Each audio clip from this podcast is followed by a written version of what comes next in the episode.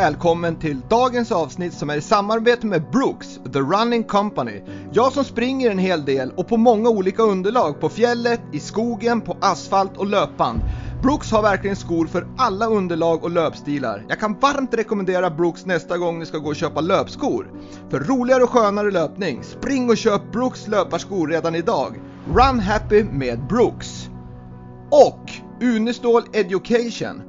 Unestål Education grundades av Sveriges och idrottsvärldens mest erkända mentala tränare Lars-Erik Unestål, som fortfarande är mycket aktiv i bolaget.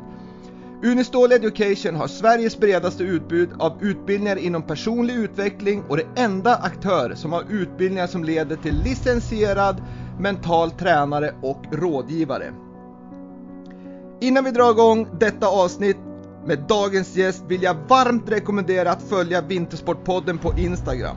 Där får ni all information om vad som är på gång inom podden. Nu kör vi igång dagens avsnitt!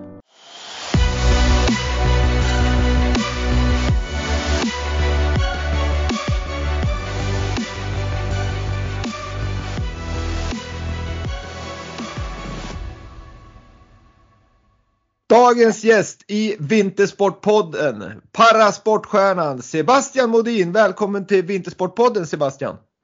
Tack så jättemycket. Kanonroligt att ha dig med här. Jag har följt dig på TV efter alla dina framgångar och det är så himla kul att och ska få prata med dig en timme ungefär. Det ska jag se verkligen fram emot. Ja, det blir trevligt. Ja, verkligen. Eh, som jag brukar göra så drar jag alltid igång den här podden med att dra en kort bakgrund kring den jag pratar med och så sen så släpper jag över ordet till dig tänkte jag säga men sen ska du förhoppningsvis prata mer än mig.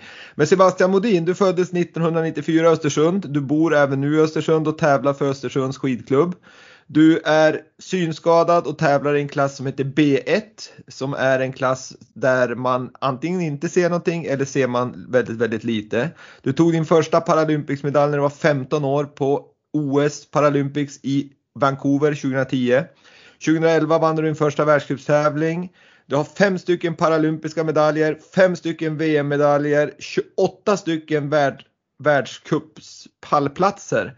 Du har fyra stycken totala världscupsegrar, Årets manliga paraidrottare 2019, nominerad till Årets manliga idrottare 2018 på Idrottsgalan och nominerad till Årets idrottare med funktionshinder på Idrottsgalan 2011.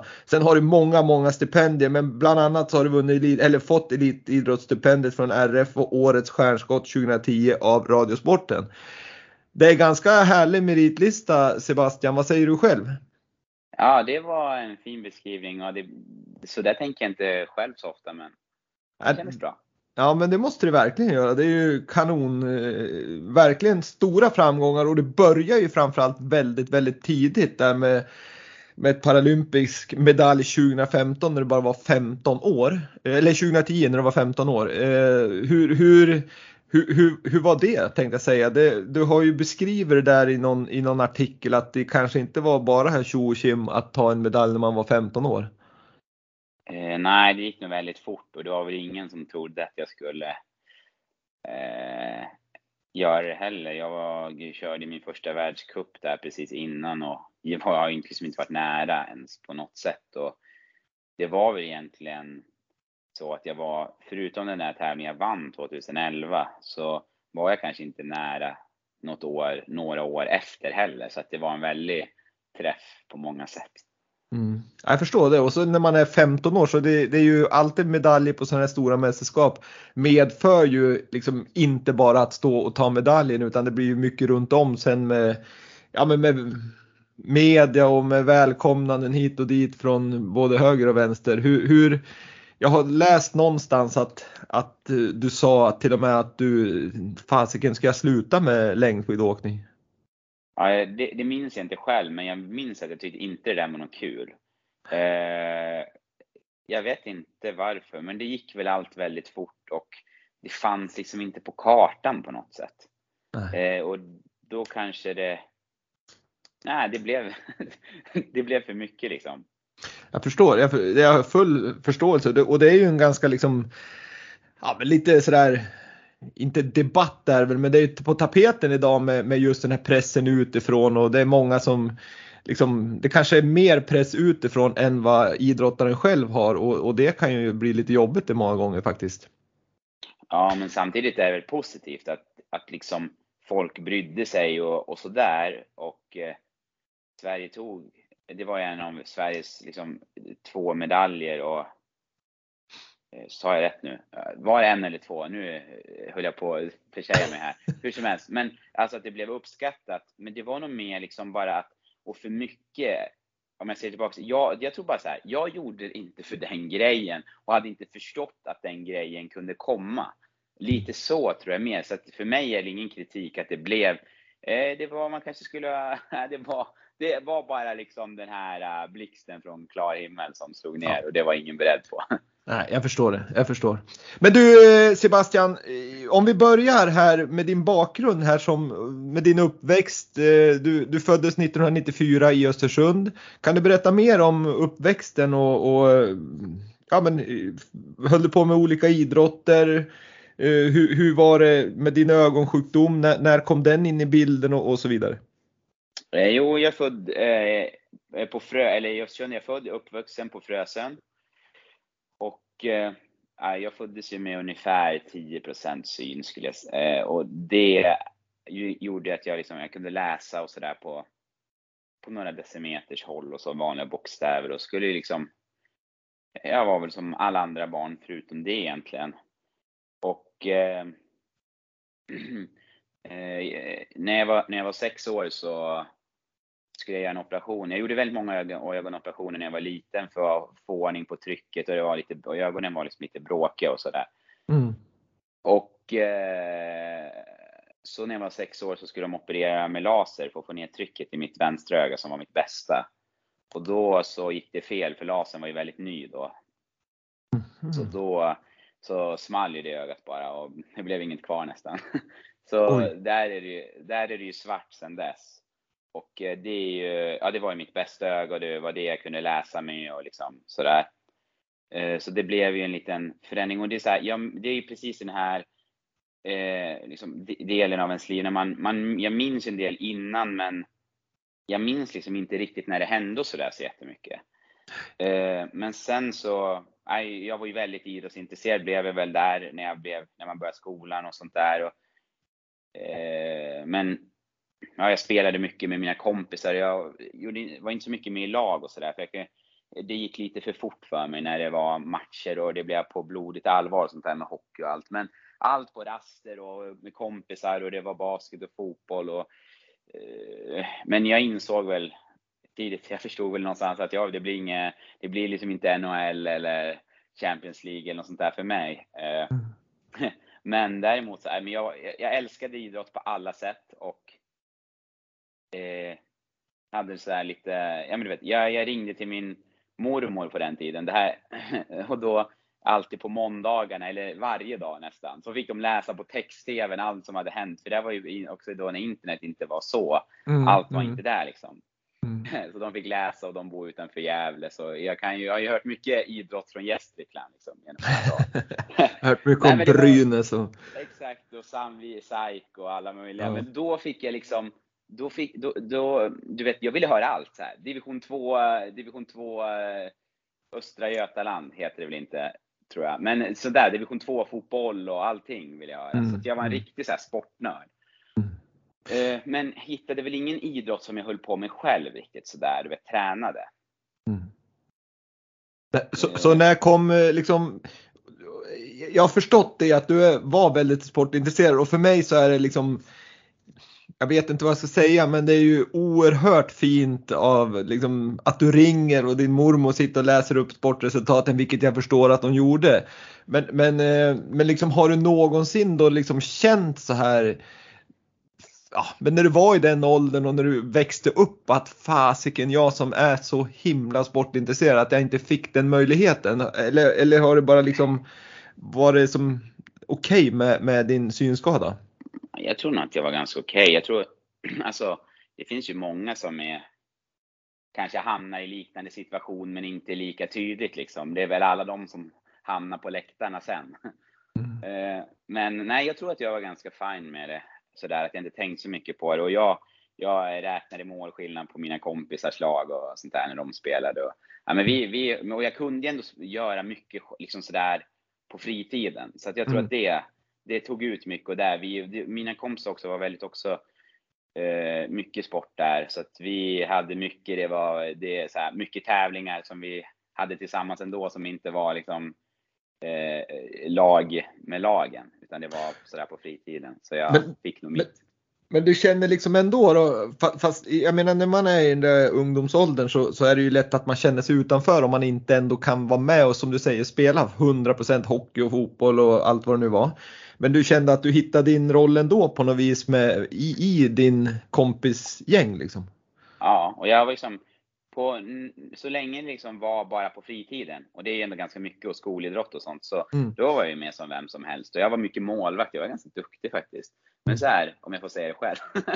men, men, men så här att jag, jag, jag, jag har aldrig liksom, jag tror alltid att jag var, jag har alltid hittat min del liksom i det här. Och, att jag, och det är aldrig någon som har, det är klart att de kunde så här när vi spelade basket, men vad, vad är det där för skott liksom? Men nästa gång så var det eh, Jocke eller Ludde eller någon annan som sjabblade liksom. Och då fick de höra. Mm. Så det var ju alltid så här, nej, det, jag är väldigt glad för den, för den, liksom den delen. Och jag tror också mycket hemifrån att mamma och pappa alltid varit så här att ja, du, du har liksom dåliga ögon, men det, annars ska du vara som vem som helst. Och det är jag mm. väldigt glad för. för att det tror jag har gynnat mig både liksom i, ja, under den här tiden och senare, liksom genom hela livet. Så att den tiden är, var väldigt bra och eh, jag hittade min idrott på mitt sätt. Och sen så fortsatte jag i grundskolan och så när jag var 11 år så skulle vi gå hem från, jag skulle gå hem från skolan, det var en höstdag så det blir väl 2005 då. Eh, mm. Så tänkte jag så här, jävlar alltså vilken, vilken sån här höstsolnedgång, i så här röd sol och, mm. och så. Men då så, och så kom jag hem och så blev det så lite, jag hittade inte riktigt, jag tappade lite så här kontroll. Och så märkte jag så här att, nej men det här är, till slut märkte vi att vi fick åka till, till sjukhuset och så här nästa dag. Och då hade jag fått en blödning på ögat, för jag såg liksom, jag tappade ju ännu mer av det jag hade liksom. Mm. Så då, då blev det liksom, det blev ju ett så här steg. Jag hade det, ja, och det gjorde att det blev så svårare med de här, den här spontanidrotten kanske började bli lite svårare. Jag tappade i alla fall lite av den. Och mm. det var lite tufft då. Det tror jag var min första sån där, som du frågade om. För att då, liksom då var jag 11, mina kompisar tränade mycket och de började väl liksom bli mer, alltså det började bli mer träningar och mer matcher och mm. mer tid. Eh, och då liksom började jag tappa mitt lite grann. Eh, så det var nog en så här liten eh, grej. Men då fick jag prova simning faktiskt. Eh, och det var inte jag så eh, förtjust i. Alltså jag var, det var, för mig var det bara bollsport. Och jag älskade att så här, lyssna på radiosporten och du vet. Mm, det var mm. verkligen så här, jag var ju, jag var ju nörd alltså. ja, eh, Men det förstår det som var, när det kom så här skidor, simning, sådana där sporter på tv och radio, då var jag helt ointresserad. Jaha. Eh, det var inte kul. Så friidrott kanske gick med så här Carolina Klüft och det var ju ett bra år då också. Ja, med de ja. där, de där, det där gänget. Men så att då blev det så här, då fick jag prova simning och det var jag väldigt, väldigt så här, eh, emot. Det inte var kul, men jag, det var mina föräldrar som insåg att det var också här, man ska gå på en träning i veckan för att få månadspengen. Liksom. Det var bra. Och då fick jag hitta någon träning och då fick jag prova simning. Jag var inte så alltså nej, det var gillade jag inte först. Men efter ett tag så, så här, började jag ändå gilla det för att då kom jag på det här. Jag tror att då, då kom jag på det här och bli lite trött mer. Och den mm, delen av liksom, mm, mm. idrotten. Att det inte bara var liksom, det var inte bara slagskott och plock och sånt där.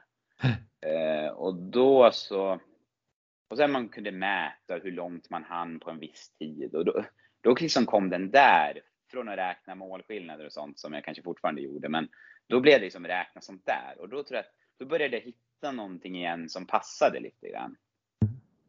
Och i samma stund så provade jag skidor också. Några kompisar till familjen som hade barn som var duktiga några år äldre. Så mm. de tyckte jag skulle prova skidor. Och där på något sätt så tror jag att simningen började liksom inte fastna för. Men jag började tycka det var ganska kul ändå. Det där att vara trött på kvällen och. Eh, så lite grann. Och så till eh, skidorna som jag, det blev på något sätt en level till tror jag. Det fanns så många mer variabler. Allt ifrån att man var ute till att det var kallt och var is och eh, nysnö och det var du vet uppför och treans växel och fyrans växel och klassiskt och det var så mycket liksom. Och det mm. var det som var svårt och det var det som jag tror att jag tyckte att det var kul. För jag tror att jag var van med att idrott var ganska svårt. För ändå att jag skulle kunna idrotta så som jag hade gjort fram till den tiden så tror jag ändå att jag hade hittat ganska många knep. Liksom.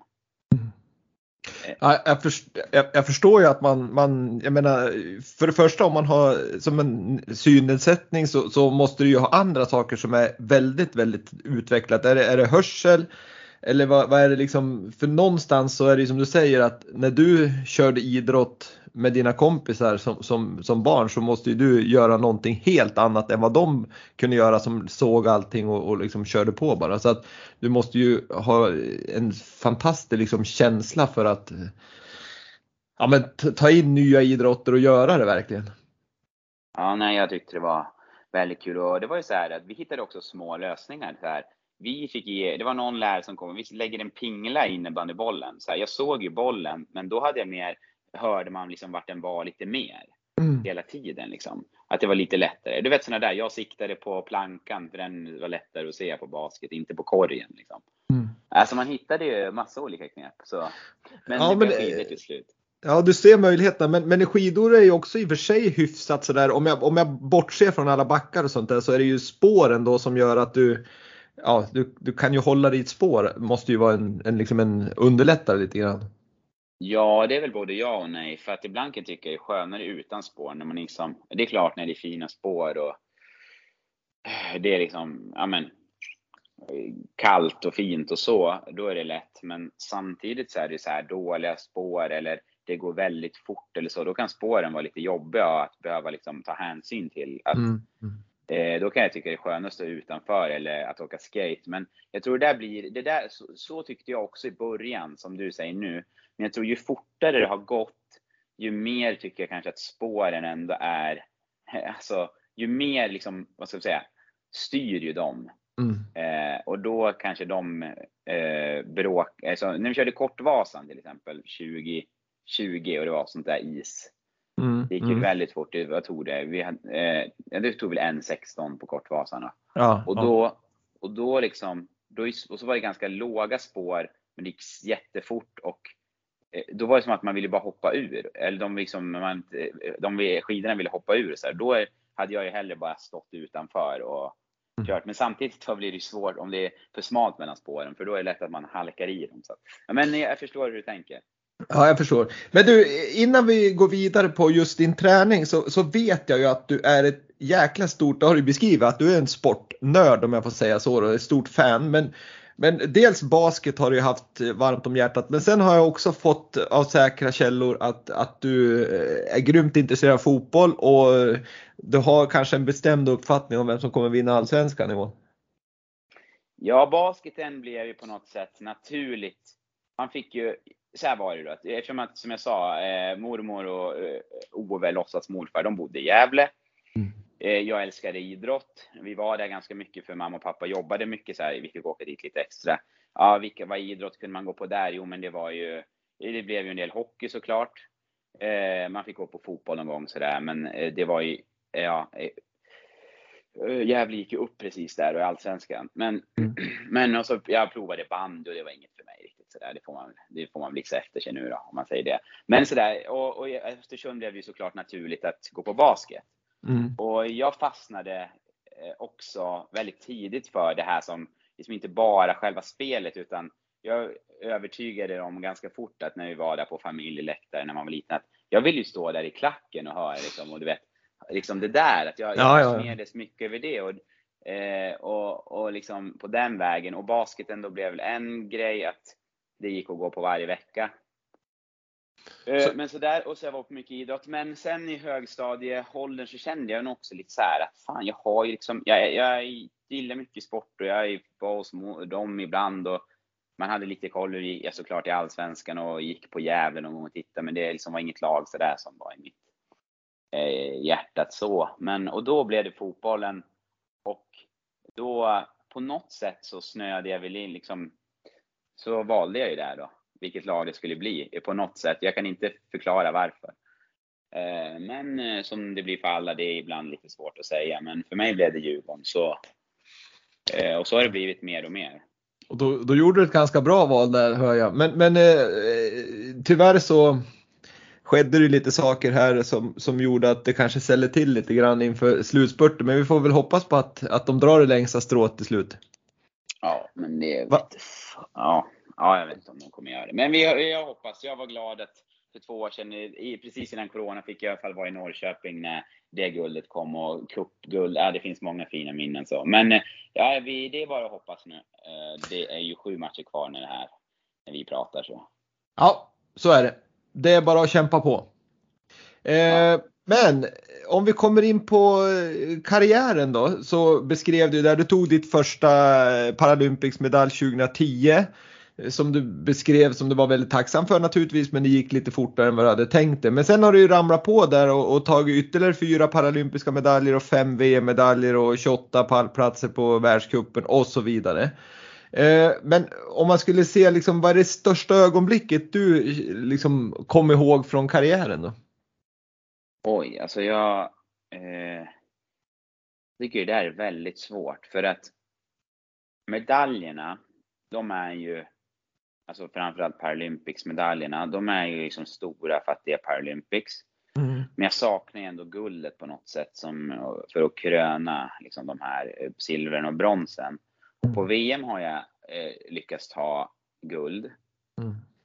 Eh, men det är så här, det är många som delar och samtidigt så åkte jag i Vasaloppet med eh, gänget då, med Emil, Jerry och Robin som guider för ja, 2020. Mm. Och eh, det var, i, för, det var som lite uppvärmning för det vi körde den här kortvasan jag hoppade förbi ja, här förut. Precis, Men, precis. Och då, då så, så här, jag blev ju jättebesviken på resultatet och det blev väl alla vi som var med, att Jerry som framförallt då, som är gammal Vasaloppsräv, mm. han, hade ju, han hade ju sagt vad han trodde vi kunde hamna liksom och kändes inte helt orimligt men han, han vill ju liksom det är klart han ska tänka resultat och det var ju det vi ville allihopa som var där. Men sen mm. blev det liksom så lite, du vet, lite så barnsjukdomar första Vasaloppet som det väl är för många. Det var vätskan frös, det snöade en decimeter, det var nästan inga spår. Det var så här, det var, eh, Oj. det var, det var liksom en, det var ett led man kunde åka på. Vi, vi kom lite dåligt där i första backen och det blev lite strul och försökte åka om folk när vi kom upp på myrarna. Ja, då tappar man bara placeringar liksom. Eh, för det var ju så just mycket snö utanför. Men hur som helst, det, det finns, det är ju så här, ska jag säga, oflyt, det kanske det inte, det skulle jag inte vilja säga att det är för att det är så där det blir när man kanske gör sitt första, en sån här, ett sånt här stort lopp. Mm. En sån här, liksom, vad säger man säga, det är ju det är på något sätt ett kraftprov ändå. Ja, verkligen. Mm, och, men jag är ändå väldigt stolt att jag har gjort det och att jag mm. gjorde det. Så på ett sätt är det väldigt vad säga, besviken på resultatet men ändå stolt över liksom, att jag gjorde det och vi gjorde det. Mm, mm. Eh, så det, det är liksom ett fint minne på det sättet. Samtidigt som medaljerna, de är mer liksom, det här var en prestation, här nådde vi det mål, alltså det, eh, som säga, sportsliga målet var väl Vasa på ett sätt också, men här nådde vi resultat. Mm. Så att jag, jag har svårt att säga exakt vad som Ja, men det... Eh, jag, jag, jag, jag, står på två ben där. Ja, men jag tycker du gör en fin beskrivning ändå, för det är ju liksom medaljer i all ära, men jag tycker du gör en väldigt fin beskrivning av, av Vasaloppet där och, och att det liksom idrott är ju inte bara medaljer utan det kan ju vara minnen övriga minnen som, precis som du beskriver och det tycker jag är liksom väldigt, väldigt fint, fint beskrivet, det måste jag säga. Men, men, men om man skulle vända på steken då, har du haft någon period i din karriär som har varit riktigt jobbig liksom där du känner att du liksom fasken håller jag på med eller att det har varit någonting som har stått verkligen eh, dig upp i halsen? Eh, ja men efter det här medaljen i Vancouver så gick det något, började jag på skidgymnasiet i Östersund. Mm. Eh, och trivdes ju väldigt bra där att jag tränade med folk som liksom, deras mål var eh, junior-VM och eh, så. Att det var, och liksom mitt var Paralympics. Så det var den enda skillnaden. Mm. Men eh, så där hade jag väldigt, fyra väldigt bra år så. Det slutade ju med att, jag, att det var Paralympics i Sochi 2014. Eh, där jag och Albin som var guide lyckades ta tre medaljer. Mm. Så det, det var ju väldigt stort. Men sen så kände Albin att han orkade inte träna så mycket som det krävdes och sådär längre. Och att han liksom, han ville steppa åt sida. Mm. Och det var ju bara att liksom, all, liksom, så är det ju bara. Allt har ju ett slut. Men det gjorde ju att det blev lite svårt att hitta guider. Och det jag kom in, liksom, jag hade kört med Albin i sex år och det var första gången jag liksom verkligen skulle hitta en ny person eller några nya att träna med. Och eh, så jag tränade väldigt mycket själv en sommar och så eh, liksom löste det sig inte helt. Eh, och det blev vinter och det, bör, det blev liksom lite struligt och eh, körde med någon och vi fick inte riktigt så här allting att stämma och sen helt plötsligt det här började jag få ont i benhinnorna och jag, jag, det kom fram att jag hade compartment. Mhm. Så här som att musklerna blir för stora i underbenen. För Eh, benhinnorna ja. ja. Det blir för trångt. så att- Så du, Exakt, det blir för trångt, att de sväller för mycket. Ja. Mm. Eh, och det gör att det man liksom blir, vad ska man säga, man blir stapplig liksom. Det är svårt att... Eh, och det här... Så det blev mycket sån här, jag tänkte efter skolan, eller gymnasiet, vi gick ju fyra år eftersom att vi var så borta mycket på träning och Mm. tävling och sådär. Mm. Alltså, eh, så vi gick fyra år och då tänkte jag så här, men jag var lite less på skolan och nu ska jag försöka göra det här bara. Och så fick jag liksom inte göra något annat och så fick jag ett sånt här år liksom. Mm. Så det var ju väldigt tufft att, att få det året. Men vad var det- Nu kan jag börja. Ja precis. Jag förstår det. Men, men vad var det då som fick det liksom att eh, Ja men hur vände du det där rent mentalt då i, i just i den situationen? Ja, men då, då blev det ju operation och det blev eh, säsongen fick jag avbryta och sådär och så eh, bestämde jag mig för att jag skulle börja plugga eller söka till universitetet. Mm. Eh, och eh, jag var inte sugen alls på det, men jag gjorde det ändå. Mm.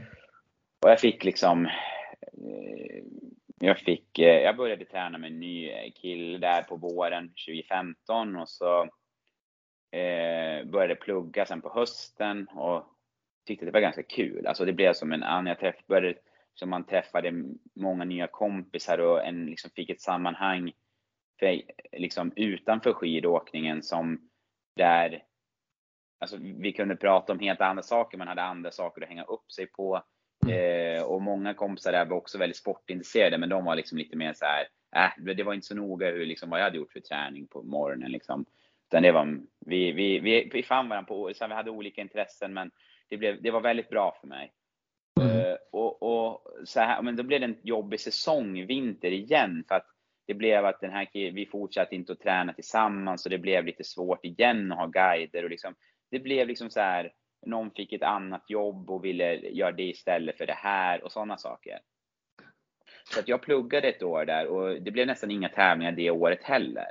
Så det var så här, det var på väg att vända. Men sen då 2016 på våren, så på de här två åren hade jag tränat, tävlat väldigt lite och haft strul. Men då började liksom, eh, kom Johannes in som guide och ville verkligen köra och vi körde och där vände det liksom för mig. Mm. Så man kan säga att det blev liksom så här, man fick gräva där lite i sin grop och var lite, det gick lite upp och ner fast liksom stadigt neråt och så var skolan ändå, det här andra året så tror jag skolan var en väldigt viktig eh, del, att jag hade andra saker som, eh, alltså andra saker som jag kunde hänga upp livet lät ju stort men på.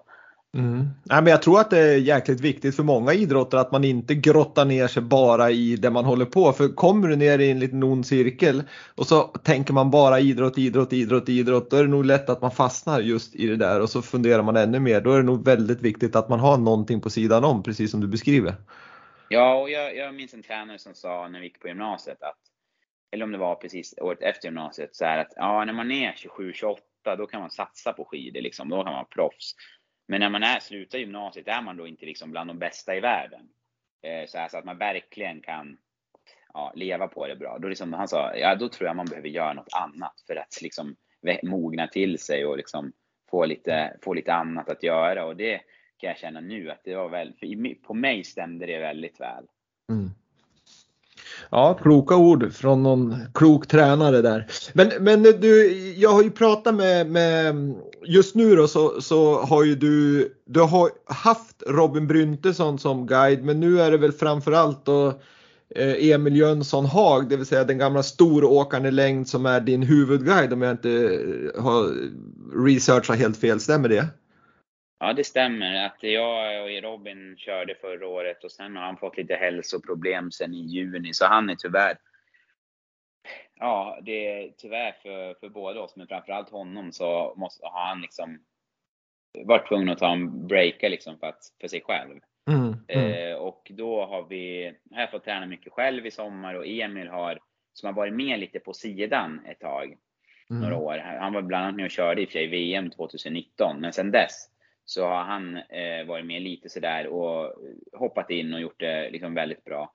Mm. Då har han nu kunnat eh, ta över stafettpinnen och han ska tävla och sådär i vinter och det känns väldigt bra för mig att liksom eh, att, att det trots det här så kommer det kunna bli en säsong. Det är ju det är jag väldigt glad för. Ja men det förstår jag. Men, men hur, alltså jag förstår ju liksom att ska du kunna tävla och, och till viss del träna också, du, du, vi kommer in på träningen lite mer sen, men, men då är du ju beroende av en guide. Men hur, hur, för det första, hur viktigt är valet av guide? För jag menar, skulle du välja någon random som är lite motionär så då får du ju stå och vänta på den där guiden. Så det gäller ju att ha någon som nästan är snäppet bättre än dig. Ja, alltså det är inte så lätt att hitta guider i en sån liten sport som skidor ändå är. Mm. Men eh, nej, så det, det, det är en utmaning alltså. Så är det ju. Eh, För sen ska du ju ha någon som vill ställa upp, ställa upp och träna 5, 6, 7, 800 timmar per år också kanske. Och resa lite ja, på tävlingar. Och. Ja, exakt. Så det blir ju en liksom, det blir ju eh, att Ja exakt, det, det, det, blir en stor grej och sen det är därför vi sista åren har försökt liksom växla över att vi ska ha flera guider igång samtidigt. Mm. Eh, så att det ska gå att, om det händer saker, och det är det som till exempel har varit väldigt tur nu den här gången och att jag har eh, Erik här i Östersund också som jag började träna med förra, eller i vintras, och som nu också jag tränar en del med. Att, liksom det, att det finns fler så att det inte blir eh, vad ska man säga, för avhängigt av en person. Både på grund av att det kan vara svårt för en att göra allt. Att, liksom att de kan vara sjuk och... Exakt, det också. Men eh, även om de är friska så kanske de, till exempel guiderna behöver träna lite själva eller de ska, eh, de ja, kan, kanske inte kan vara borta på allt, allt och sånt där. Men sen är det exakt det som du säger, att om någon blir sjuk eller liksom bryter benet eller vad som helst så ska det inte vara för lång startsträcka till att vi kan få till en bra säsong eller tävling ändå. För att jag menar det är ju en sak eh, om jag skulle klara av att springa eller åka skidor med dig under en lång tid. Så jag menar det, det, det måste ju också vara en ganska liksom ni måste ju vara ganska sammansvetsade för att den här guiden ska kunna göra sitt jobb. Jag tänker mig hur ska den prata med dig? Hur, jag vet inte om du har någon visselpipa på något vis som, som gör att du hör vart du ska åka och så vidare. Men, och även säga nu kommer en 90 graders böj eller en stark kurva eller hur ni nu kommunicerar. För det, det tar väl ett tag att lära sig varandras liksom, sätt att kommunicera. Ja exakt, för guiden åker ju då, jag åker med helt svarta glasögon och och i, eh, i min klass så, vi är egentligen tre klasser kan man säga, en klass. Och då är det så att vi som ser nästan ingenting åker med helt svarta glasögon för att det ska bli likt. Och sen har vi två klasser som ser, ja där de ser ungefär som jag gjorde när jag var yngre. Mm. Och, då, och de kan ju följa, och, då är, tävlar vi mot varandra med procentsystem. Jaha. Så, att, eh, så att då är det så att jag åker på 88% av tiden mot de som ser bäst. Så de har 100, så jag får dra av 12% av min tid.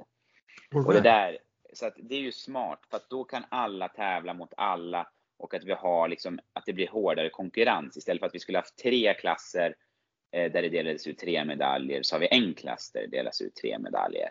Mm.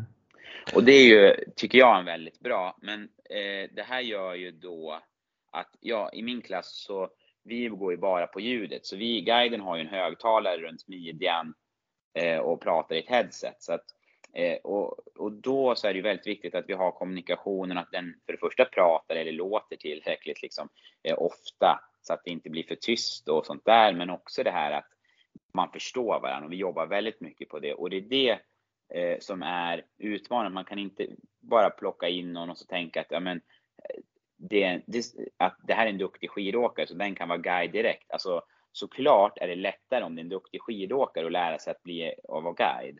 Mm. Men man kan liksom, man måste på något sätt jobba upp det eh, samarbetet från, från båda håll. Eh, och det är därför det är så viktigt det här att fler är igång så att som nu att Emil, nu kunde ju Emil också hoppa in den här mm. säsongen.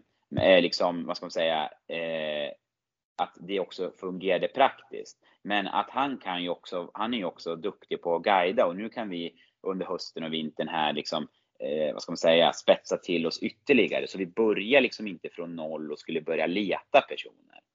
Men är det, är det så att ni, ni, jag förstår att ni tränar ju fysiskt för det mesta, men är det också så att, att man har träningspass där man liksom går igenom kommunikationen, hur man ska lägga upp allting?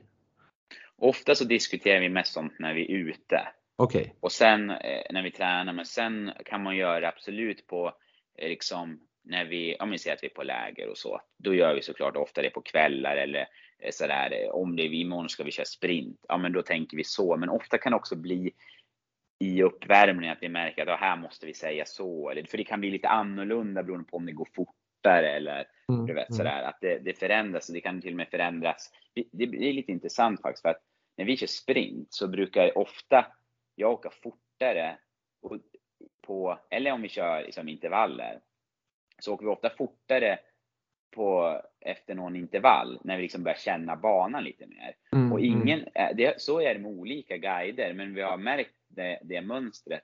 Och, in, och ingen liksom riktigt reflekterar över det, förutom att vi ser det på klockan. Och det är väl så att vi vet, man vet vad som ska hända och i farterna hur, hur allt händer. Liksom. Mm det, är, det är en sån där, hur viktigt är det här till exempel att åka en bana innan och bara det att vi tränar tillsammans så att man vet. För en guide som jag åkt med mycket, den går ju ut i rätt fart mer mm. eller mindre på ett lopp.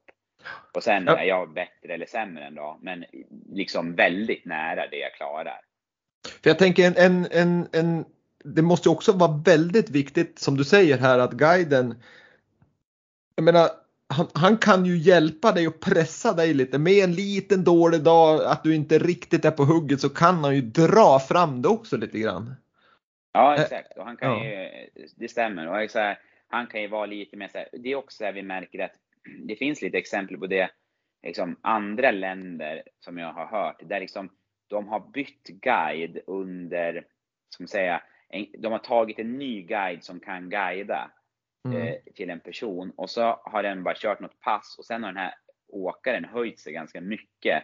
Nästan som att den liksom, är den lite bättre så kanske den, den drar lite, förstår att, som att, lite så här kan man känna ibland, att om du åker i ett fält på en massstart eller löpartävling, vad som helst, så ligger du i rygg på någon och så tänker jag, men det här går rätt bra. Men så ökar den farten lite grann. Då kan du liksom ändå hänga med. Mm. Och det är lite den, så här, lite det, exakt det du säger, som kan hända.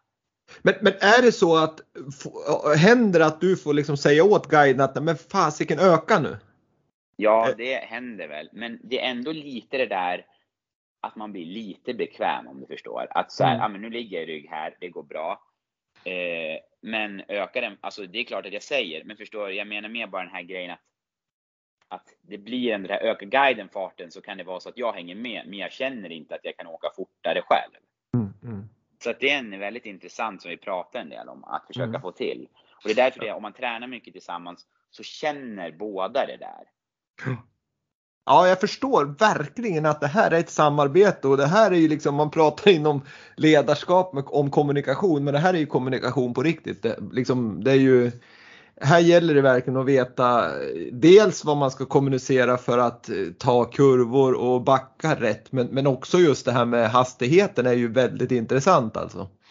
För att det, det, kan ju hända att du hamnar i världens liksom eh, skön mode där och åker på liksom men du hade kunnat gått på ännu hårdare. Det är ju jäkligt intressant. Sen är det ju såklart mitt ansvar att se till att jag också fort som möjligt. Men jag tror ändå de som, alltså det här, folk kan känna igen sig att man ligger i en klunga och sen när farten går upp, ja, då kan man ändå på något sätt öka med, åka med fast man tror att man åker allt man kan liksom. Mm, mm. Att, jag, jag, jag, ställde några frågor faktiskt till, till Emil Jönsson innan det här, eh, den här inspelningen med, med dig Sebastian och, och, och, han sa ju just det där med att för det första så är det ju, sa han att jag tror att han hade nog inte stött på någon som är så träningsvillig som dig och, och det har jag faktiskt reflekterat över när jag följer er och, och Emil på, på Instagram så, så är ju helt brutalt långa pass ni kör och väldigt, väldigt mycket. Det är den ena delen. Och sen den andra delen det är ju just det där med att, att han är ju imponerad att du lägger ju verkligen du ger verkligen ratten till någon annan och att du vågar slänga dig ut i både backar på skidor och du rullskidor kör ni ju så in i bängen och ni cyklar och så vidare. Men om vi börjar med den här just att du litar på människor, för det är också en sak som har med guiden att göra. Att, att du, det måste ju vara jäkligt tufft att liksom slängas ut och verkligen, ja men du lägger ju allting i händerna på någon annan. Ja, hur, hur tänker du där? Det, alltså, jag tror så här att jag, först har jag inget val. Nej, det är sant. Det är sant. Eh, men sen så kan jag, sen börja, litar jag inte på folk direkt. Alltså vi bör, med nya personer så börjar vi oftast på lättare banor och lugna pass och liksom mm. stegrar upp det. Och det har ingenting med personen i sig att göra, utan det är ju mer att det är bättre att börja och bygga upp det liksom. Och sen ibland måste man testa det svåra, men eh, ja, det, det, är ju det enda jag kan säga om det. Sen är det andra är ju bara det att jag har inget val. Så antingen är det lita eller så är det bara att packa ihop liksom. Men, men, när du står där då, när det blir Paralympics eller VM eller världscup eller någon, ja, men en viktig tävling och så är det ju liksom bara bomba ut för backar och det är kurvor och allt vad det är. Är du, är du rädd någon gång eller, eller är du bara liksom nu, nu är det all in, jag litar på guiden och det får gå som det går? Nej, det är klart att jag har varit rädd någon gång, alltså absolut. Men jag tror mer det här att man har respekt. Alltså, mm. jag har varit rädd, men jag har haft respekt många gånger. Mm. Att nu, idag kommer det gå fort här, ner där, eller den här kurvan, eller liksom så. Eh, Vad är det och det är också, eh, Oj. Ja, det, det är nog... Alltså så länge, det är det som är, att har jag en guide som är duktig att åka skidor. Man känner ju det på EML och sådana här att de är så duktiga på att åka skidor så att de gör ju också mig lugn. För att jag är trygg i att de kommer liksom klara sakerna och då är det lättare för mig att fokusera på mitt. Mm, så det, det, är, det är en sak som är eh, som jag uppskattar väldigt mycket eh, och som underlättar mycket för mig. Mm. Ja det förstår jag det är ju liksom, det är ju, då har man ju en checkruta ibockad liksom att, att det, det, det, är liksom, behöver du inte fundera på. Men, men jag tänker så här att du, du, du har huvudguiden Emil och så har du någon till som, som reservguider och, och vad ska jag säga träningskompisar också då. Hur, hur hur får man med de här så många timmar? Får man liksom avlöna dem eller är det bara att säga åt dem nu får ni fan ställa upp? Eh, nej, men det är ju, jag tycker att de jobbar ju. Ja. Så att eh, de ska ha betalt, så är det ju självklart. Eh, och eh, det har ju alltid varit en speciell fråga för mig att jag ska alltid liksom eh, finansiera en person som ska jobba för mig för att kunna idrotta. Um, och det har inte alltid varit så lätt. Nu har det sista året här blivit en stor skillnad. Jag har fått hamnat i en topp och talanggrupp och fått hjälp med det från liksom förb förbundshåll. Men um, eh, det är ändå så att det många gånger är så att de sponsorpengar och så jag drar in går till att avlöna människor för att kunna hålla på. Eh, och att mm. det är åt det hållet. Och det är så här, det är också det jag Nej, för, för jag kan ju alltid, liksom, vad ska man säga, idrottaren kan, kan ju eh, får ju idrotta liksom och välja själv, men de som ska jobba måste ju ha betalt. Mm. Ja, ja, det är ju det är ju också lite grann som vi pratade om det här med att lita på någon annan. Du har ju som ingen riktigt val heller men samtidigt så lägger du ner din tid och du måste ju också ha ett levebröd. Jag menar du måste ju också kunna liksom leva och, och, och, och betala räkningar och betala mat och så vidare. Så att det är ju, det är ju jäkligt svårt men är det, du känner att du får bra stöd från både näringsliv men finns det andra stöd? Du sa topp och talangprogrammet som, som förbundet, alltså Parasportförbundet har då som, som kan ge lite bidrag till, till just de här guiderna? Då? Ja, det har ju var, inte varit bra fram tills för no, no, något år sedan, men mm. nu blir det bättre, har det blivit bättre. Hoppas vi att det fortsätter så. Men det är det som är lurigt att, att hur ska jag säga det här för att det ska bli en, en liksom rimligt, men det är ju så här att jag, jag eh, måste ju ha den här personen som, för, eller för att kunna tävla. Mm. Och eh, eh, det måste vara en viss kaliber på den här personen också. Mm. Eh, marknaden ja, är ganska liten. Alltså det, det, är också det liksom. Eh, utbud efterfrågan. Men, men eh, och, därför tycker jag att det ibland har glömts bort. Även om liksom jag, det finns en anledning till att jag tävlar i ett paraförbund, men då har det tidigare varit så att man lätt glömmer bort att det är därför jag är här och i min idrott ser det ut så här. Det behövs en person till. Så mm. det är en sak som jag hoppas ska få ännu mer utrymme. Men det är också en sundhets, ett sundhetstecken till exempel att eh, vi behöver bättre personer. Eh, för det innebär att idrotten liksom håller högre kvalitet. Och det mm. är dit vi vill. Mm, verkligen. Eh, så att ibland blir de här lite, ibland eh, blir de här lite, det här lite motsägelsefullt. Men eh, jag tycker att det, det, går ju framåt på all, jag hoppas att det ska gå framåt, det går ju framåt på alla plan. Det är bara att se liksom det här att det blir mer exponering, det blir mer eh, intresse på alla sätt och jag tror, jag är väldigt så här fast i att ju bättre idrottare vi är som är parasportare, eh, ju mer kommer marknaden, om man säger så då, eh, förstå det och intressera sig för oss. Alltså då kommer exponeringen, då kommer näringsliv och sådana saker. Jag tror att det är svårt att dra de här korten att vi ska göra, det ska vara jämnt och det ska vara lika. I alla fall när vi kommer till elitidrotten, för att då måste man visa att man är, att man liksom har där att göra. Och det är det jag tror gör att intresset drivs på. Att idrotten att idrotten utvecklas och konkurrensen blir hårdare. Och eh, jag, jag minns så väl en kompis som jag pluggade med, det var när det var i Rio mm. Paralympics 2016. Han sa så här, han var sportintresserad och spelade hockey själv och sådär. Så att, fan det här ser ut som vanlig idrott, eller som vanlig sport. Alltså som vanligt. Och det var så här, han, han hade ju ingen, eh, han hade ju ingen, liksom vad ska jag säga, han hade ju ingen eh, åsikt i det. Utan det var ju bara så. Och jag tror att så här, det är så det måste bli. Att när, när det ser ut som vanlig, vanlig sport, sen om folk har rullstol eller inte ser det så, då blir vi intressanta. Och det är åt, dit, åt det hållet jag tror vi är på väg. Så att, eh, det är ja. och det den känslan jag har. Ja, härliga tankar Sebastian. Och jag, jag, alltså jag kan ju säga att jag håller med din kompis där och sen, sen är det ju så här att det, det, det, är ju så sjukt imponerande och, och, speciellt när de har gjort reportage liksom där man får se just det samarbetet då mellan dig och guiden och eh, den kommunikationen. Det är ju liksom när man får det perspektivet så blir jag mer imponerad, mycket mer imponerad av, av liksom parasporten än, än om man säger vanlig sport, eller om jag får säga så då. Men, men så jag tycker det är definitivt eh, jättekul och jag tror också som du säger att det är på, på frammarsch och att det blir liksom mer medialt och blir det mer medialt då, då vaknar ju näringsliv till också såklart.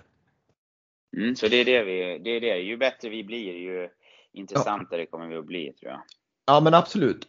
Så är det. Men du om vi går, går till det här med träningen då så, så eh, sa ju Emil då att, att eh, jag tror han inte hade träffat någon som var så träningsvillig som du. Vad är det som driver dig varje dag att träna så här mycket och liksom hårt?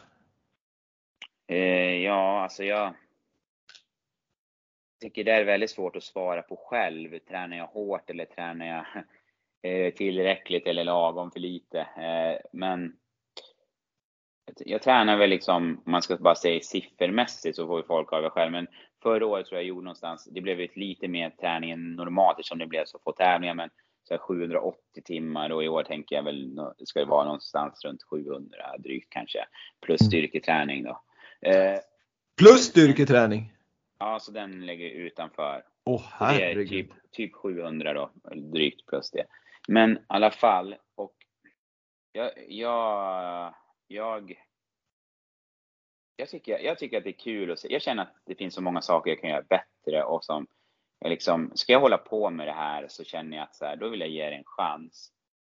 Eh, men jag tycker det är jättesvårt att prata om mig själv. Tränar jag eh, mycket eller tränar jag så? Utan det får väl resultaten avgöra om det också är rätt det jag gör. Mm. Eh, men jag har mycket att jobba på och jag känner så här att jag tycker fortfarande att det är väldigt kul. Men jag tror en sak som har drivit mig under året, det är att den här grejen att ha guider och folk och få ihop det och någon kan ja, då, träna de här dagarna och någon kan då och då kan inte jag, har gjort att jag hela tiden fått, fått liksom lägga ett pussel eh, och som har varit svårt att ha en riktig tränare som lägger en plan. För den kan ju lägga en plan vila onsdag. Ja, men helt plötsligt kunde, till exempel som i år som har blivit speciellt då när det har blivit så mycket ändringar, då kunde Emil träna, ett, eh, träna hade mycket tid. Och då har jag ju som fått då är det bättre att jag tar det passet än att jag ska, för jag har kört väldigt mycket inne på mitt rullskidband i år. Och jag kör så tre, fyra timmar många gånger. För jag har ett sånt eget och det har varit väldigt tur i år mm, framförallt, mm, men mm. alltid. För att det ger mig ändå en, vad ska man säga, en, eh, nu tappar jag orden här, men flexibilitet. Att jag kan, mm. Att jag kan också träna ibland själv och göra bra pass inne. Ja, för jag tänkte fråga det, vad, vad, vad, vad, kan du göra på egen hand? Liksom, det är rullskidband i princip mm. som, som du kan så, köra? Så där kan jag springa. Jag springer där med stavar, kan gå med stavar om jag kör brant backe. Ja. Eh, väldigt brant. Och så kan jag åka staka, åka klassiskt och så har jag en trainer där också.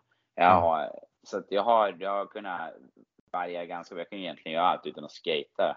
Men, mm. men eh, jag, jag tycker nog på något sätt att det här har gjort att jag hela tiden har velat så här, experimentera mycket. Att jag har fått, jag har inte varit så styrd och haft svårt att vara det.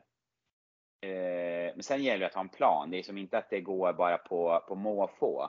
Men att det har varit svårt att någon ska lägga exakt och så är det så många liksom variabler i det här pusslet som ska sitta för att det ska fungera. Och då tror jag att jag har alltid lyssnat väldigt mycket och intresserat mig.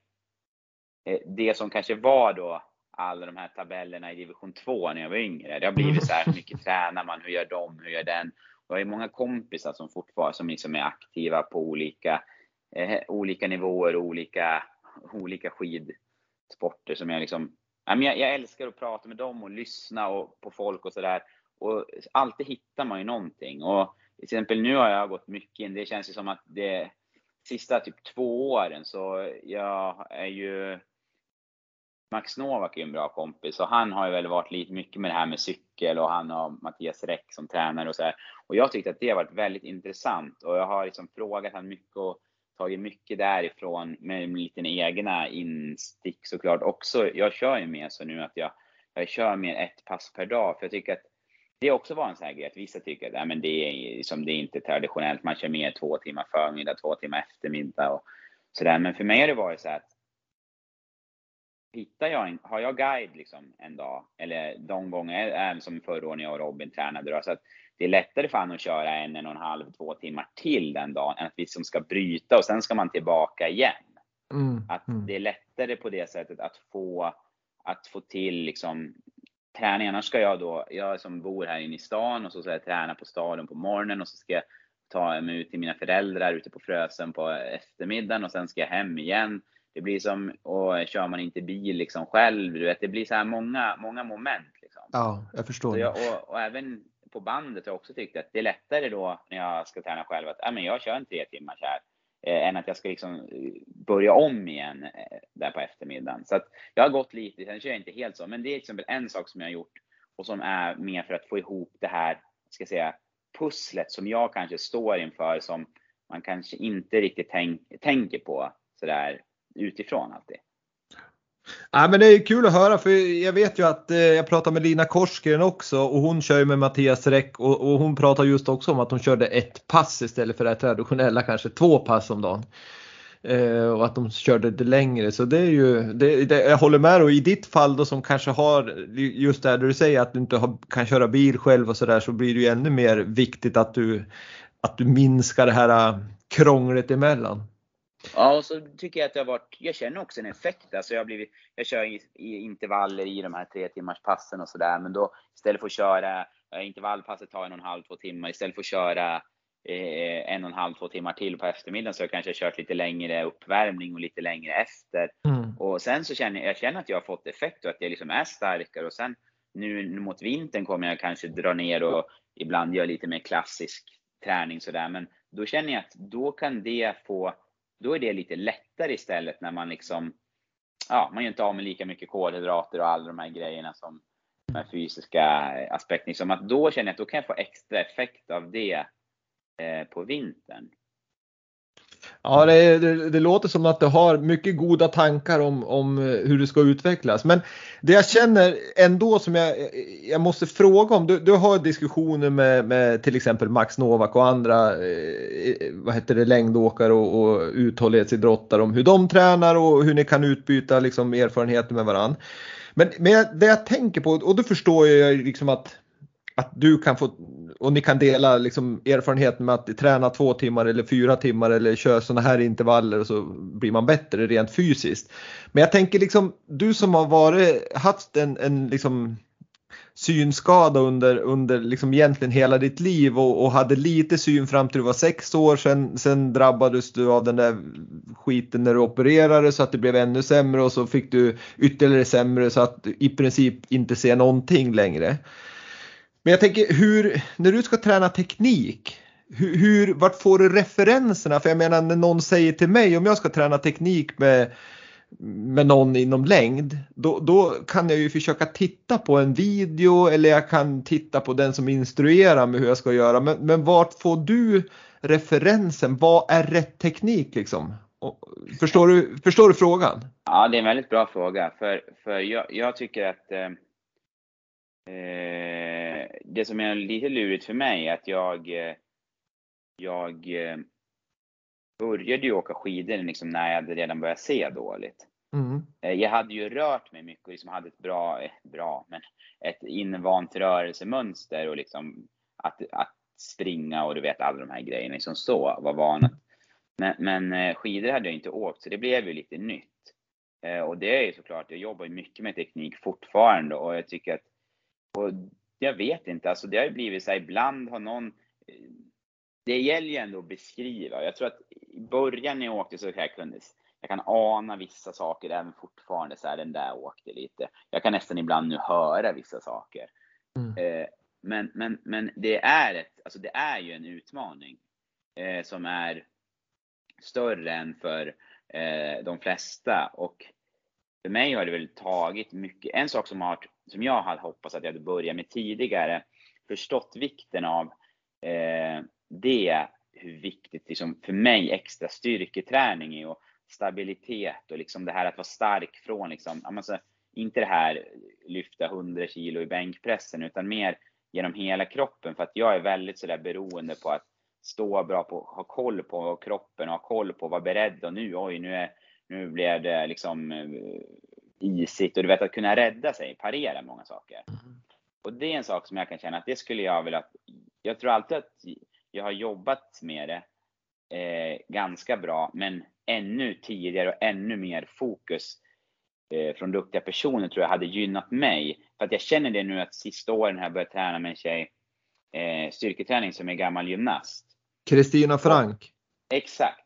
Och hon är ju som en falk, har falkögon liksom. Nu gör du si, nu gör du så. Och det har varit väldigt nyttigt för mig att jobba med olika, allt från balans till hur man liksom aktiverar bål, rumpa som jag kanske var, eh, rumpa framförallt var jag dålig på, och liksom så här, jag fick lite ont i ryggen ibland. Um, och nu, eh, så, så, att, och har jag haft lite hjälp på Bosön också. Och så här, få mycket eh, så här, tips i, hur ska jag säga, hur jag ska jobba i styrketräningen. Som sen tycker jag är lättare då att koppla på när jag åker skidor där ute. För att framförallt då om man inte ser, så är man liksom för svag eller har svårt med andra saker så eh, det, det, kan vara svårt. du kan åka skidor fint då framför kameran i 12 sekunder kanske. Men mm. sen kommer verkligheten ikapp efter 12 kilometer. Mm. Eh, och då är det inte lika, alltså så att för mig har det där varit eh, en sak jag jobbat med, men tagit ännu mer sista åren och som jag tycker har gett väldigt mycket effekt. Det var dit jag skulle komma. Mm. Att jag är mycket starkare i kroppen och jag tror för oss som är parra, vad det än är, så det finns en anledning till att vi är där vi är och det är att något sinne eller någon, någonting är bortkopplat och då behöver vi liksom vara, eh, vad ska man säga, då behöver vi eh, vi behöver rädda upp oss för det liksom. Att, eh, och kompensera för det. Nu är jag lite tunghäfta här idag. Men jag tror att, jag tror just det du pratar om det här med att träna med en gymnast och, och bli mer, få bättre balans i kroppen och vara mer reaktionssnabb och kunna parera. Det, det tycker jag, det är nog ett bra tips till många liksom, vad säger, idrottare som inte är synskadade eller har någon annan skada. För, för jag menar, det tror jag alla har nytta av. Ja, det tror jag absolut. Och jag tror att jag har en ganska bra bild hur, alltså hur jag ska åka och liksom så. Men att ibland har jag liksom inte klarat det, eh, vad ska man säga, i, eh, jag har inte klarat det kanske, att man har inte haft tillräckligt, liksom varit tillräckligt stark eller bra stabilitet och sådana grejer. Så jag har ju utvecklat min, alltså jag jobbar ju mycket med min teknik fortfarande. Men jag har ju blivit mycket bättre skulle jag säga på grund av sådana grejer. Och sen kryddat med att folk liksom ute i vad man får höra, alltså så här, vi kollar, ja men du ska liksom fram med din högerarm eller sådana grejer. Men, men jag känner att det, nyckeln till att klara och känna min kropp, det är just det jag har gjort i gymmet. Mm. Och, och, måste fortsätta göra liksom. Mm. Ja, det är imponerande att höra. Man får hitta andra vägar om man liksom, ja men om man har synnedsättning så måste man hitta nya vägar och andra vägar och det återigen, det, det, skulle många må bra av oavsett egentligen om man håller på med idrott eller om man inte håller på med idrott så, så tror jag att det är alltid nyttigt att försöka hitta nya vägar för att utveckla sig. Nej, det är grymt kul att, att höra liksom, för det är lite, det är speciellt och det är, jag, jag är jätteimponerad över liksom just hela träningen och hur man vågar och, och, jag menar som jag sa, nu, nu är det ju speciellt om jag sätter på mig en ögonbindel och, och går ut så mår jag illa ganska fort där när man inte ser något för man får hela balanssinnet och så det påverkas ju naturligtvis. Um, men jag tänkte också prata om eh, en, en, vi har suttit här en timme nu nästan, men, men ett intressant, eh, du är en intressant person som jag, och då går jag igång och då kan det ta tid här. Men, men vi måste prata lite om Paralympics här som, som kommer gå 2022 i Kina. Eh, vad har du för målsättning där? Oj, alltså det, eh, för det första är det en speciell säsong när vi har VM i januari som blev uppskjutet från förra året.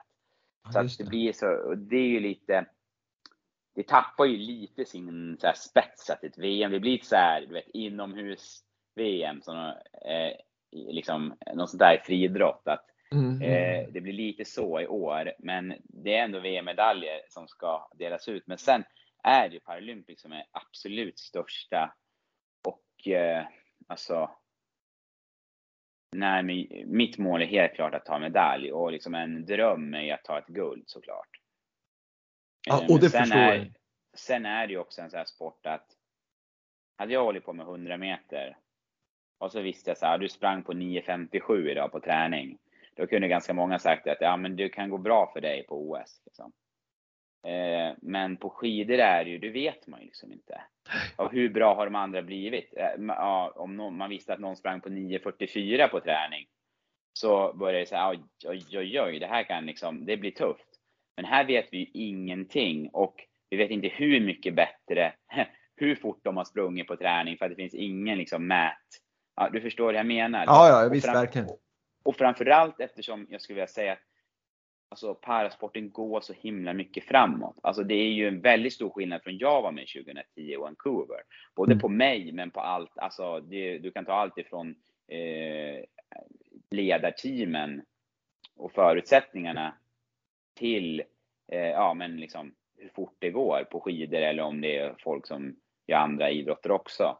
Så att det är så lite svårt att Ja, man vet inte hur, hur fort folk rusar där hemma liksom, på en sommar. Och förra året blev det också få tävlingar som blev lite speciellt. Några var inte med på någon tävling, några körde en tävling och några körde andra tävlingar. Så det var också lite så svårt att få en exakt statusuppdatering. Mm.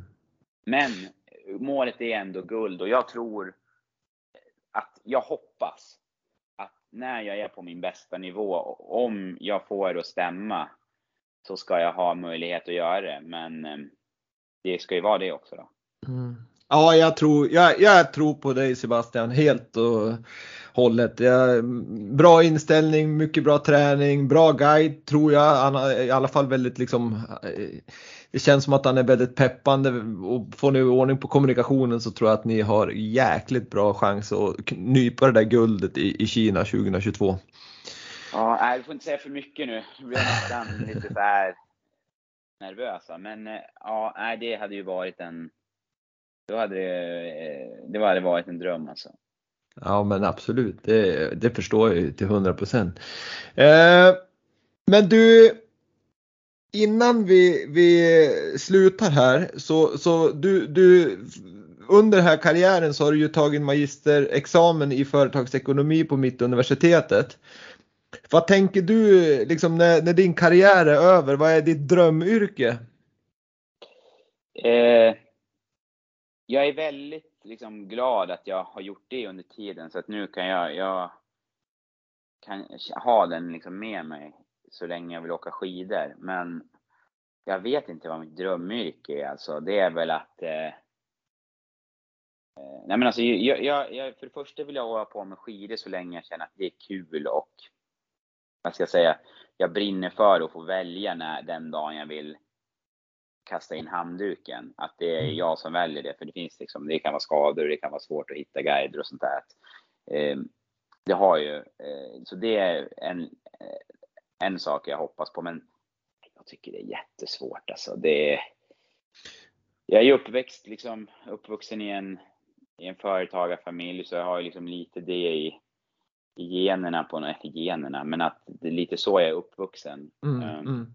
Och uh, att uh, man blev hämtad sent på fritids och sådana saker. Men jag, har fått med, jag är så himla glad också att det är sådana saker som jag har fått, fått, lä, liksom, fått med mig. Men mm. det är sån svår fråga alltså. Jag vill men... göra någonting som är kul, alltså som jag känner att det här brinner jag för. Jag tror det är viktigt för mig att så här, jag vill hitta något som jag brinner för. Sen om det liksom skulle vara att städa eller du vet, sitta och trada på Avanza som, det är liksom för mig inte det, det viktiga egentligen. Jag vill brinna för något och så vill mm. jag kunna, jag vill kunna, jag vill ha, också vill jag kunna hålla fortfarande, kunna träna en del. Det tror jag kommer må bra av. Ja men det, det, förstår jag. Har man tränat som elitidrottare som du är så då, då tror jag att eh, de flesta liksom vill hålla igång för att må bra i livet. Men jag har ju, jag tänker ju liksom så här du skulle ju, det är ju populärt med alla liksom ledarskapsutbildningar och, och, teamutbildningar som, som finns. Att man ska lita på varandra och man ska slänga sig bakåt och, och teamet ska ta emot den och så vidare. Där borde ju du kunna vara en grym föreläsare just i att föreläsa för, för företag och team och så vidare i, i just det här med att lita på, lära sig att lita på någon och hur bygger man upp ett team för att liksom prestera på, på hög nivå. För det är det du håller på med tillsammans med dina guider kan man säga. Ja, exakt. Ja, nej, vi, vi, vi, vi får, får klura. Vi får, ja, vi får se vad jag, vad jag kanske vad jag checkar ut med för något också så jag har något att prata om i sådana fall. Men, ja, nej, jag, Men du, du har ju rätt så mycket att prata om redan med, med alla dina fina framgångar och ska jag säga, du är en härlig människa också. Det tycker jag är väldigt, väldigt viktigt att lyfta fram. Du är ju en fantastisk person måste jag säga. Men men jag måste fråga en sak innan vi slutar. Jag, jag lovar att det här är näst sista frågan för jag har en fråga som är generell för allihopa. Men en fråga som jag har, har tänkt på som jag inte riktigt har fått fram här det är ju Jag tänker på liksom det finns ju alltid doping inom idrott. eh, i, alltså med anabola steroider och det är bloddoping och hej och hå.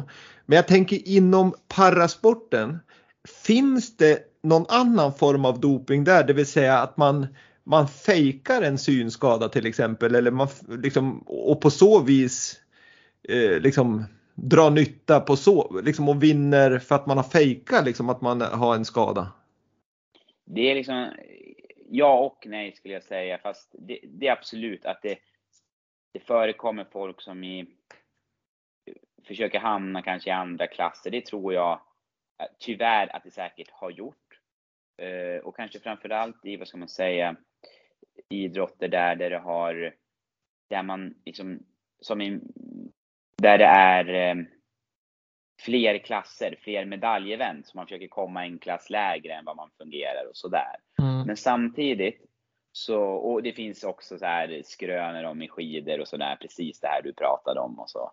Mm. Men samtidigt så tror jag att ju seriösare idrotten är, ju mindre sånt kommer liksom gå igenom och ju professionellare kommer det här klassificeringssystemet att vara. Och det är säkert stor skillnad nu från, säg 25 år sedan när folk skulle du vet, titta på en tavla, ser du bokstäverna? Aha, mm, eller hur? Mm, mm, eh, nu är det ju laser och sånt som mäter. Mm. Eh, om man bara ska ta i min klass då. Men, men samtidigt så här, om man tror att det är för, jag tycker det är en svår fråga för vi måste vara medvetna om att det säkert pågår. Men om man liksom går ut och, och eh, om man är för negativ till det klassificeringssystemet, då undergräver man ju också lite förtroendet för idrotten.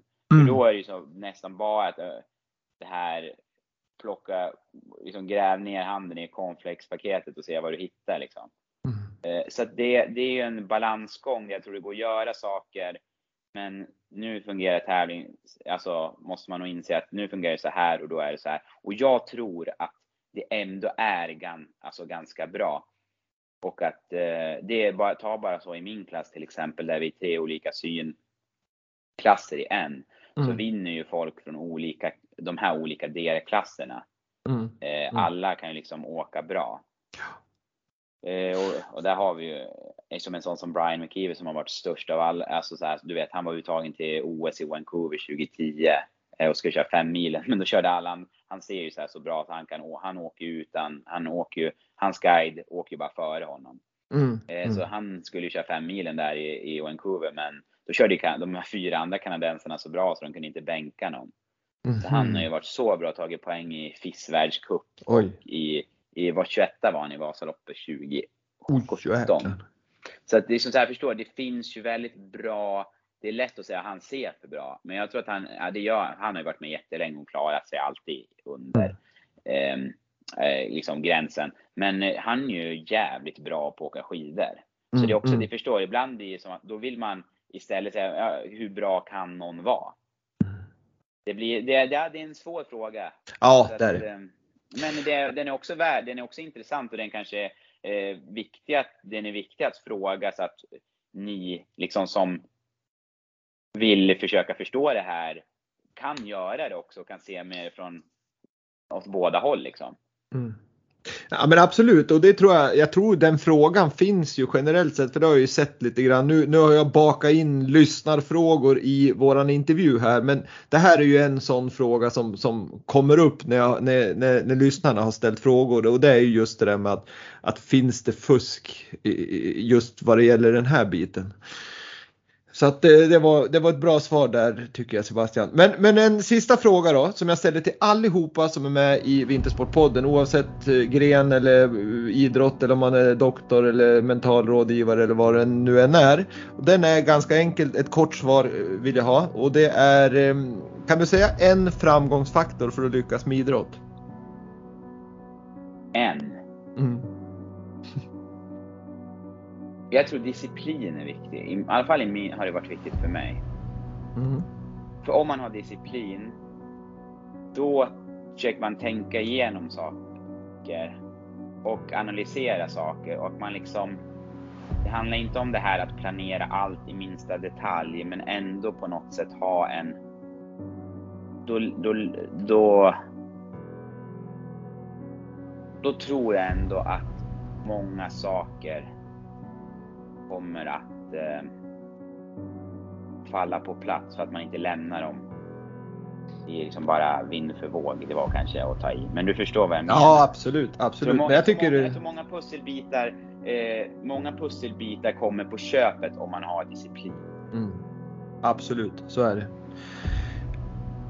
Om lyssnarna här vill eh, vara med på din resa mot, eh, ja, mot nya framgångar, Paralympics men även VM och världscup och ditt liv. Vart kan de följa dig? Ja, det är väl på sociala medier som det Det händer är bara att söka på Sebastian Modin med Z på, på Instagram och, och Facebook och allt vad det är. Så, så kan ni följa Sebastians resa mot, mot nya utmaningar. Det har varit fantastiskt roligt att prata med dig Sebastian. Vi har hållit på mer än en timme och tio minuter och eh, jag Wille Blin och Vintersportpodden tackar dig så otroligt mycket för att du har varit med och önskar dig all lycka med både tävlingar och livet som sådant. Tack så jättemycket. Kul att få vara med. Absolut. Ha det bra och stort lycka till. Detsamma. Hej hej!